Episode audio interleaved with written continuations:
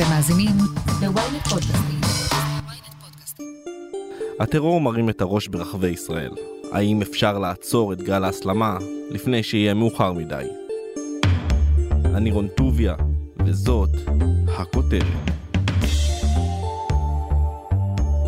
הפיגוע אמש הבהיר לכולנו, אנחנו נמצאים בעיצומו של גל טרור. ערב צום הרמדאן ויום האדמה, אדם נשפך ברחובות ואזרחי ישראל חוזרים לתמונות שהעדפנו לשכוח. האם ניתן לעצור את ההסלמה בזמן? התשובה חיובית. פרשננו רון בן ישי ואיתן דנגוט, לשעבר מתאם פעולות הממשלה בשטחים, יסבירו לנו כיצד. אבל לפני כן, מה קרה אתמול בשמונה בערב בבני ברק? לפחות ארבעה נרצחים באירוע בבני ברק וברמת גן, מה שכרגע אה, נחשד כפיגוע ירי. אתם כבר יכולים לראות בתמונות האלו. לירן לוי, כתב הפלילים מהמשטרה של ynet, בוקר טוב, אם אפשר אה, לקרוא לזה ככה. בוקר קשה, צריך לומר, בטח אחרי הפיגוע הרצחני שהיה אתמול בבני ברק. רצף של פיגועים שאנחנו רואים, אנחנו זוכרים את הפיגוע שהיה בבאר שבע, ואחר כך את הפיגוע שהיה בחדרה. מה שקרה שמחבל מגיע ככל הנראה אה, ברכב, זה ממה שאנחנו אה, מצליחים להבין, לרחוב אה, ז'בוטינסקי בעיר, סמוך לבני ברק. ואז יורד שם ובעצם מתחיל במסע של אה, ירי אה, מיד, מהר מאוד, בטח בימים הרגישים האלה, תושבים, אנשים שעוברי אורח, אה, שרואים בדיוק את מה שקורה ומבינים מיד שמדובר בפיגוע, מתקשרים אה, למוקד 100 של המשטרה. צריך לומר, המשטרה הגיעה מהר מאוד הפעם אה, לזירה, אני לא יודע להגיד בדיוק תוך כמה זמן, אבל מהר מאוד הם הגיעו אה, לזירה. הם, אה, שני השוטרים הגיעו על אופנוע, אה, הם מזהים את המחבל, הם חותרים מיד למגע, הם מנטרלים אותו, וב... ובכך הם בעצם מונעים תוצאה חמורה הרבה יותר שיכלה אה, אה, להיות כאן. האירוע הזה יכל להסתיים עם הרבה יותר הרוגים ופצועים, ובהחלט זה יכל להסתיים אחרת. במהלך הערב אנחנו שומעים הרבה דיסאינפורמציה, גם על מספר ההרוגים וגם אה, על אה, זהות המחבל וגם כמה מפגעים היו. אנחנו שומעים אה, כל מיני שמועות, אנחנו מבינים שכרגע מדובר אה, במחבל אחד, אבל אין ספק שהיה מי שעזר למחבל הזה. סביר להניח, כן, שהיו לו אה, אה, סייענים, מישהו שסייע, ואת הדבר הזה אה, במשטרה וגם בשב"כ אה, בודקים. ככתב ynet אתה מגיע אה, לזירת האירוע בבני ברק, ואנחנו רואים שאתה מדווח ומאחוריך רכב הפוך. כן, היה אה, שניות אחרי הפיגוע שהתושבים אה, באזור הבינו בדיוק מה מתרחש להם ליד הבית. מאות אה, מהם יצאו וחסמו את, עמדו בציר ז'בוטינסקי. התחילה לרוץ שמועה על אחד הרכבים שנמצא עומד על הציר, וזה ככל הנראה, לפי החשד של המפגינים, של התושבים שהיו כאן, הם חשדו שזה הרכב שלה, שאיתו המחבל הגיע לזירה, וממש, מה שנקרא, עשו לינץ' ברכב, הפכו את הרכב, הרסו אותו לחלוטין. אה, וממה שאני מבין לפחות מהערכות של המשטרה, גם במשטרה חושדים שמדובר ברכב שהביא את המחבל לזירה, אבל מן הסתם הדבר הזה עוד, אה, עוד יצטרך אה, להיבדק. צריך לומר, ראינו כאן הרבה מאוד זעם בעיר בני ברק. גם לא מעט אה, אלימות אה, שהופנתה כלפינו אה, כנגד העיתונאים, עם הרבה מאוד קללות, עם הרבה מאוד האשמות, ואני חייב להגיד לך, רון, עם הרבה מאוד שנאה בעיניים שראיתי לכלי התקשורת. אני, לא, אני, באמת, לא, לא, אני באמת לא מצליח להבין מאיפה העוצמות הגדולות האלה של השנאה, מאיפה זה מגיע, וחבל, בטח במקום של זירת פיגוע, שעוד יש שם גופות, חבל מאוד שאנשים מתנהגים ככה. איך המשטרה נערכת בעקבות גל הפיגועים הזה? מפכ"ל המשטרה יעקב שבתאי הודיע שהחל אה, מהיום כל המפקדות המשימתיות המחוזיות של המשטרה יעסקו בביטחון השוטף. המשמעות היא שבעצם משטרת ישראל תעצור בשלב זה את רוב הפעילות שלה, את רוב הפעילות, מה שנקרא המשטרתית הקלאסית שכולנו מכירים, ותתמקד בסיכול טרור. אנחנו נראה נוכחות ברחובות, נוכחות גבוהה אה, יותר של אה, שוטרים, במטרה לאבטח אזרחים ולהחזיר להם את תחושת הביטחון. המפכ"ל גם הורה בנוסף על תגבור של אלפי שוטרי מטה את השטח במשימות של אבטחה של מוסדות חינוך, תחנות מרכזיות ומקומות הומי קהל. צריך להגיד, המשטרה נמצאת אה, ברמת הכוננות הגבוהה ביותר, ואם אתה שואל מתי פעם אחרונה היינו ברמת כוננות כזאת גבוהה, אז זה היה בדיוק לפני שנה במבצע שומר חומות, מאז עברה שנה, ואפשר להגיד שאנחנו חזרנו לאותה נקודה אני רק אה, רוצה להזכיר לכולם שאנחנו היום ה-30 אה, לחודש, היום יום האדמה, אחד הימים שבמשטרה ובמערכת הביטחון מסמנים אותו כבאמת, כאחד הימים הנפיצים, באמת בשאיפה ותקווה של המשטרה שהמצב לא יסלים עוד מעבר גם כך מה שראינו, ולסיכום הדבר הזה, מי שעדיין לא שם לב, אנחנו כבר נמצאים בעיצומו של גל טרור, והפיגוע הבא זה לא שאלה של אם, אלא שאלה של מתי. אז נקווה שיהיה לנו לפחות היום יום שקט. אז תודה רבה, לירן לוי. תודה רבה.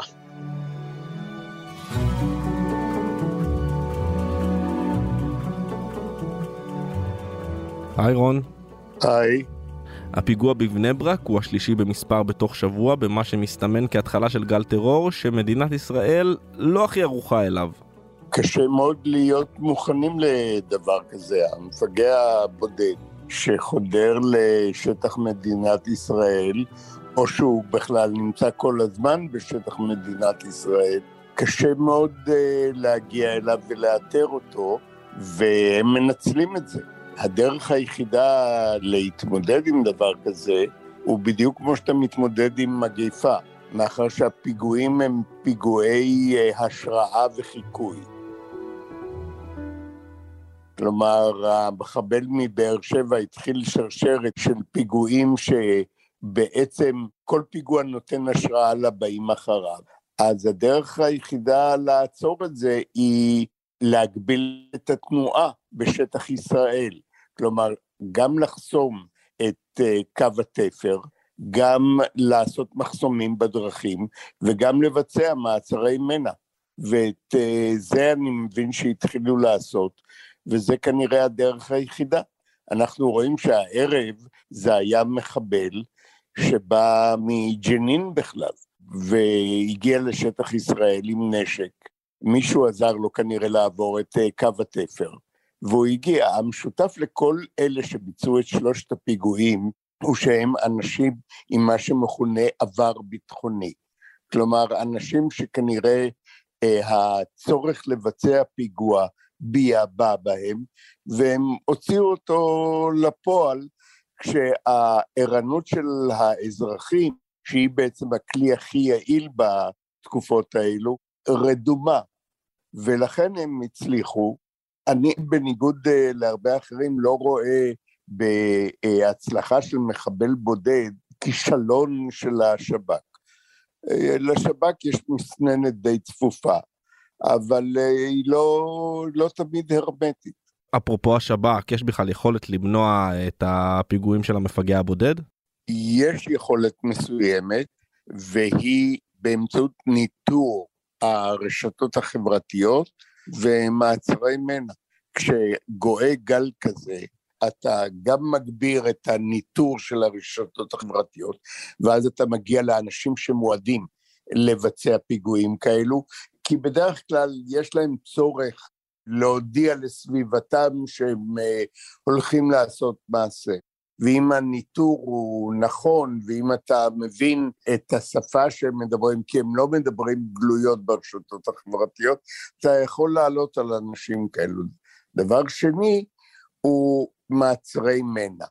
ולא רק השב"כ, גם מחסומי משטרה בדרכים עשויים uh, בעיקר בצירים שמוליכים מהשטחים ומריכוזי אוכלוסין במגזר הערבי בתוך ישראל, אה, יכולים אה, לבצע את זה. מעצרי מנע, דפיקות על דלת בלילה, כל הדברים האלו אה, בהחלט יכולים ליצור גל נגדי של פעילות סיכולית שיכולה לצמצם את הגל טרור עד שהוא ידעך.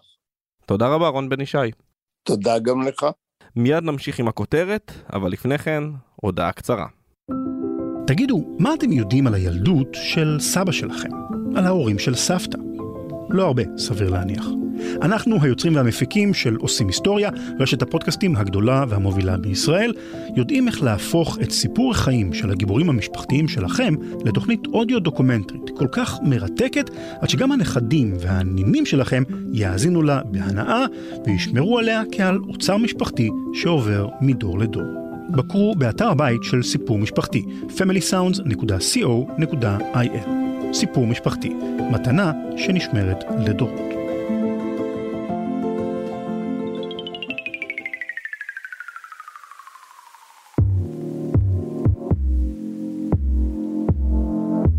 איתן דנגוט, לשעבר מתאם פעולות הממשלה בשטחים ועמית מחקר במכון ירושלים לאסטרטגיה וביטחון. איזה מין גזרה זאת אה, גזרת צפון השומרון, הגזרה שממנה יצא המחבל? גזרת אה, צפון השומרון, אם אני אחדד אותה מאזור אה, למעשה שכם או צפונית לרמאללה ובואכה עד ג'נין, מסתיימת במעבר ג'למה, היא גזרה בעייתית שידועה כבר במורכבות הפח"עית שלה עוד מלפני חומת מגן. גזרה שמאופיינת כמעוז של ג'יהאד איסלאמי, מקומות של אנשי חמאס, ולמעשה היא גזרה שמעשי הטרור שנולדו, נוצרו בה, בוצעו באזורה, גם מאפיינים חדירות וביצוע מעשי טרור בישראל. יש מספר כפרים ידועים ומסומנים במשך שנים במסורת הרדיקלית הקיצונית שלהם, ומשפחות ממשיכות פה, אפשר להגיד כבר דור שני של פיגועים ביחס לגורמים להם הם נראים משויכים. בשנה, שנתיים האחרונות אנחנו עדים שהגזרה הזאת יוצרת שוב ושוב אתגרי משילות לרשות הפלסטינית, שבעיקר מגיעה מאזורי שכם וג'נין, גם מבחינת המורכבות האורבנית של הערים הללו ומחנות הפליטים כמובן, וקוראים תיגר באירועים שהיה בהם ירי ופעילות נגד מנגנוני הביטחון של הרשות, או חיכוכים שנוצרו בין אה, מושלים כאלה ואחרים באזור ג'נין לגורמים של אה, מנגנוני הביטחון ברשות הפלסטינית. כשאתה לוקח את כל הדברים האלה, מאגד אותם, אתה רואה שהוא כר אידיאלי להצמיח בו הסתה, שנאה, וגם הייתי אומר מדרגת טרור שמראש היא במדרגה גבוהה יותר מהמקומות האחרים, במאפייני אמל"ח של בעיקר נשק, ירי כזה או אחר. למה דווקא שם ולא בגזרות אחרות? כשאתה בסוף תנתח את כל איו"ש, אז אתה תראה שלכל גזרה יש את מאפייני הטרור שלה, אבל אתה יודע לאבחן ביהודה ושומרון את הבידול בין מרכז והצפון לבין הדרום, קודם כל כאזור של חברון. החברונים ב-DNA הם שונים מבחינת מסחר, מבחינת קריאת תיגר, מבחינת הרצון העצמאי שלהם, ומושפעים הרבה מחמאס. במרכז יותר, אתה רואה את אותו אזור סביב אה, רמאללה, שיותר אה, נתון, אני חושב, להשפעה של גורמי הרשות הפלסטינית ומרכזיה שקרובים, וכשאתה עולה צפונה, ואתה רואה את הנסיבות, יש שם אזורים שלמים שהג'יהאד האיסלאמי ישב שם שנים רבות, הרבה מאוד, לצערי, הקריבו מלוחמי צה"ל, מערכת הביטחון, את חייהם באזור הזה, כדי להביא להורדת רף הטרור במספר כפרים לא קטן, וכאשר אתה רואה היום למעשה את הריחוק של הרשות הפלסטינית שנולד במשך השנים מהאזורים השונים שלה, הריחוק מהאוכלוסייה, ראית למעשה שמקרב הפת"ח ובערים הגדולות, בעיקר בצפון השומרון, ג'נין, אה, שכם והכפרים ביניהם, גם מזרחה וגם מערבה לכיוון ישראל, לקו הירוק, נוצרו אפילו איחודים מסוימים ביצירת מעגל הטרור. ושם אתה חש יותר את ההתנגדות, את הניכור שיש לאוכלוסייה המקומית יותר כלפי הרשות הפלסטינית, היבט של מרחק, היבט של אה, משלוח יד, והיבט כמובן של חוזק, כמו שציינתי, של גופים רדיקליים אה, שיושבים שם ויחד חברו למעשה למה שמתפתח היום. החיבור, ברגע שיש לך את אמצעי הלחימה והשינוי בהפניית הנשק בין פעילות מקומית שהיא אלימה וכדומה, לבין כלפי ישראל, הוא שינוי שחל בן רגע. ולכן בחודשים האחרונים בכניסות של חיילי צה"ל לאזורים הללו, לפעולות כאלה ואחרות, אתה רואה שהנושא הזה תופס יותר ויותר תאוצה של שימוש באמל"ח חם, בירי לעבר כוחות צה"ל. הייתי אומר שמדרגת הכניסה ותפיסת הלחימה המבצעית של חיילי צה"ל וגורמי מערכות הביטחון השונים שם, היא מראש שונה בגלל אותם סיכונים. באופן אירוני, הפיגוע בבני ברק מתרחש ב-29 במרץ. 20 שנה בדיוק אחרי פרוץ מבצע חומת מגן. באותו מבצע ג'נין, העיר שממנה יצא המחבל אמש, הייתה מוקד טרור מרכזי. מאז 2002 העיר השתנתה, אבל לא הרבה. אני חושב שקודם כל במהות היא נשארה רדיקלית ובעייתית, אבל אין ספק שחל בה שינוי, גם היה שלב של העשור הראשון שראית ירידה דרסטית בכמות, בגישה, במוטיבציה לטרור, שרק בשנים האחרונות חלה בו עלייה. העלייה נבעה קודם כל ממספר סיבות, קודם כל באופן מסורתי, הקסבה של ג'נין שימשה כמוקד אה, מרכזי ובעייתי.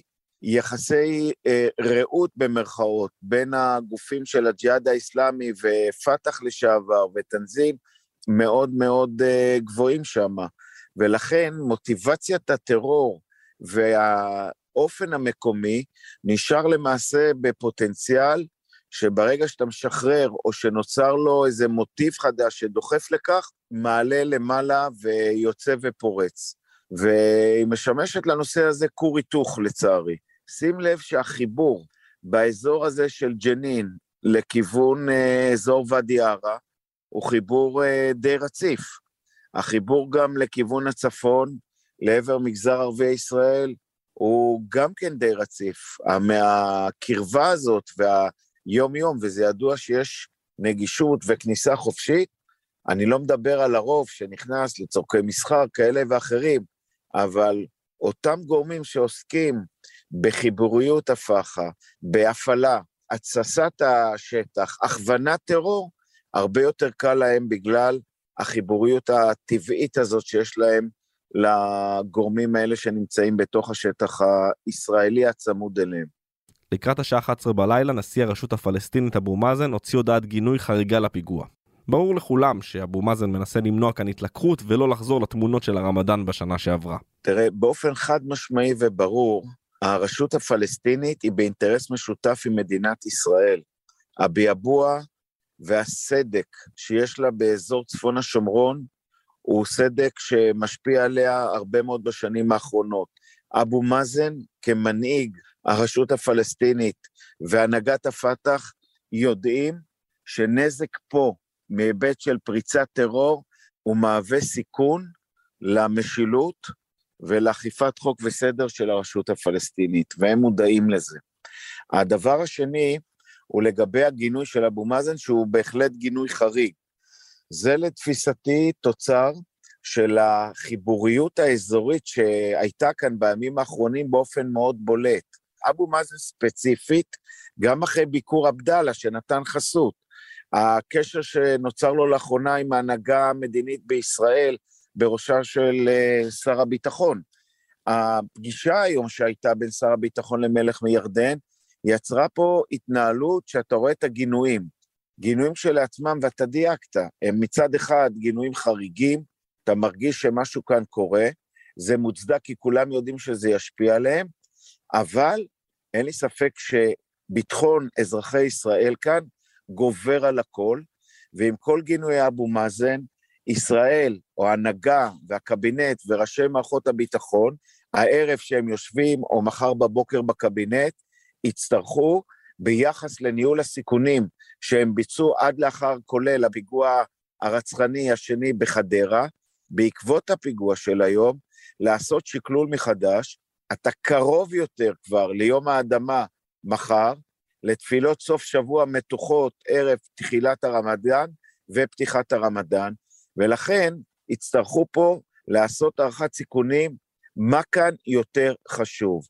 הראייה המדינית של נתינה לרוב הפלסטיני להמשיך בחייו הרגילים, או ועם תוספת הקלות לרמדאן, או סיכונים גבוהים יותר היום לאזרחי ישראל, תחושת ביטחון כרגע נפגעה, צורך להתלכד כאגרוף קמוץ כרגע, לסכל, לרדד משמעותית את איומי הטרור ולהיות במגע רק עם אלו שיצאו החוצה, גם לאור המצב שרוצח מביא רוצח כבר הדביק מדאעש ועד לכנופיות או מפגע בודד של התנזים, יחייב ברקע הזה, לתפיסתי, לעשות הערכה, שקלול ומספר הגבלות ולא הקלות אה, לקראת הרמדאן. איתן דנגוט, אה, לשעבר מתאם פעולות הממשלה בשטחים, תודה רבה. תודה רבה לכולם. עד כאן הכותרת להפעם. אתם מוזמנים לעקוב אחרינו בוויינט או איפה שאתם שומעים את הפודקאסטים שלכם. אם זה קורה בספוטיפיי או באפל פודקאסט, אתם מוזמנים גם לדרג אותנו ולהאזין לפרק נוסף שלנו על גל הטרור, לעקור את דאעש מהחברה הערבית. כתבו לנו מה דעתכם על הפרק בקבוצת הפייסבוק החדשה שלנו, פודקאסט להמונים, וכמובן אל תשכחו לשלוח את הפרק לחבר שעדיין לא שמע את הכותרת של היום. את הפרק ערכתי ביחד עם גיא סלם, על הסאונד ניסו עזרן, סיון חילאי ועטילה שומפלבי, חברים בצוות הכותרת, אני רון טוביה, נשתמע בפעם הבאה.